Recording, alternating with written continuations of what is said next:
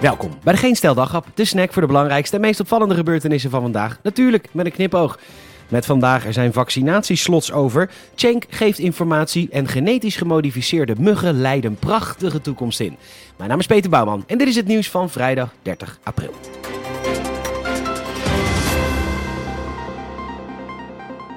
Het ministerie van Volksgezondheid roept 65-plussers die nog niet zijn geprikt op om alsnog een afspraak te maken bij de GGD's. Ja, doei! Er zijn slots over, dat meldt het ministerie tegen het AD. Er zijn slots over. Oké, oké, oké. 65-plussers. Jullie kochten een huis in guldens die nu het viervoudige waard is in euro's. Jullie konden genieten van alle brandstof die er voorhanden was voor heel weinig geld. Jullie mochten roken in het vliegtuig. De liefdebedrijven zonder voorbehoedsmiddelen. Een skipas voor een paar tientjes. De hond laten scheiden op straat zonder voor lul te staan met een poepzakje achter dat beest. En nu liggen de uitnodigingen voor een prik bij het oud papier. Wat in jullie tijd overigens gewoon in één bak mocht, zodat je niet voor elk glas groen, plastic, wit, batterij, lithium, groente, compost naar een andere locatie hoefde te reizen. Letterlijk het ministerie. Ik quote. En we willen graag het hoge priktempo dat we nu hebben vasthouden. Vandaar dat we mensen nog een keer actief benaderen. Het kan zijn dat de uitnodigingen bij het oud papier zijn beland. Of dat mensen aanvankelijk geen goed gevoel hadden bij het vaccin. Wacht. Slecht gevoel bij het vaccin? Jullie krijgen fucking Pfizer! De Rolls Royce onder de vaccins. En zelfs dat is niet goed genoeg voor jullie. En, en weet je nog dat er gezegd werd: als je niet komt voor je prik, gaat hij naar iemand anders. Nou, dat is ook voor jullie generatie niet het geval. Want zo zegt het ministerie: je kunt altijd later nog gebruik maken van je uitnodiging. Daar zit voorlopig geen einddatum aan. Verwende fucking 65-plussers krijgen geen einddatum. En de rest van het land krijgt geen begindatum. En volgens coronabeeld liggen er nu 1.639.838 vaccins in de vriezer. En er zijn fucking slots over. Wat zijn er weer mooie doelen geformuleerd door informateur Cenk Willink. Hij bracht vanochtend zijn verslag naar buiten en we willen geen dichtgetimmerd regeerakkoord, een andere bestuursstijl en herstel van vertrouwen. Mooie woorden, hè? En Cenk lacht zich rot, want het zijn precies dezelfde woorden als in zijn verslag in 2017, toen hij ook informateur was. Shh, niet doorvertellen. Wel nieuw, de samenvattingen van de gesprekken die hij voerde met de fractieleiders zijn voor het eerst ook naar buiten gebracht. Dat naar aanleiding van een motie van Wilders en Eertmans, waar heel de Kamer mee instemde, behalve 50 plus. En oh, wat moet alles toch transparant totdat echt alles naar buiten komt, want dan kunnen we het niet meer spinnen voor voor democratie.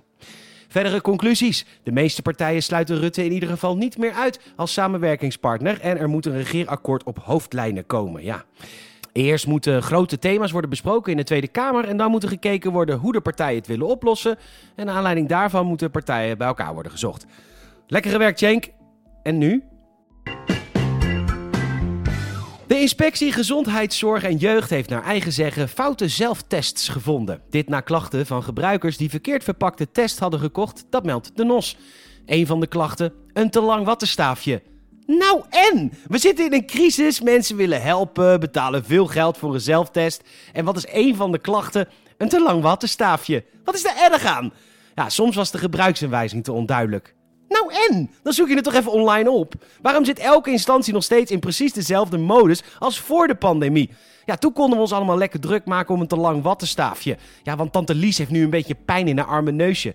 Weet je wat we proberen? We proberen met ons allen ervoor te zorgen dat tante Lies niet twee weken op haar blubberbuik hoeft te liggen. Met PCR-testen, zelftesten, afstand houden, vaccineren. Als de pandemie straks voorbij is, mogen jullie weer lekker druk maken om iets te schurende tampons, lekker plasstuiten of dat 1 op de 4 miljard mensen hoofdpijn krijgt van Ibupro, Paraceta!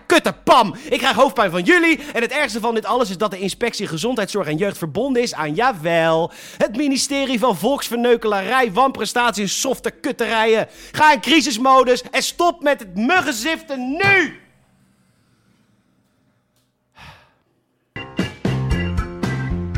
Over muggen gesproken. In Florida, in de Verenigde Staten, zijn vandaag de eerste genetisch gemodificeerde muggen vrijgelaten. Dat meldt CNN. De beestjes moeten een antwoord geven op pesticiden, hoewel er natuurlijk wel veel tegenstand is, omdat veel mensen het maar eng vinden. Het doel van de nieuwe beestjes is simpel, de zogenaamde eidesmuggen uitschakelen. Eides is Grieks voor irritante kutmug. Deze muggen zijn misschien nog wel irritanter dan de gewone mug. Ze bijten het liefst mensen, doen dat voornamelijk overdag, verstoppen zich in de kleinste plekjes en ze verspreiden een aantal nare ziektes. Denk daarbij aan Zika, dat virus waar de wereld een aantal jaren geleden veel last van had, maar ook gele koorts en zelfs knokkelkoorts, een ziekte waar mensen in tropische landen regelmatig last van hebben, met ziekenhuisopnames en af en toe de dood tot gevolg.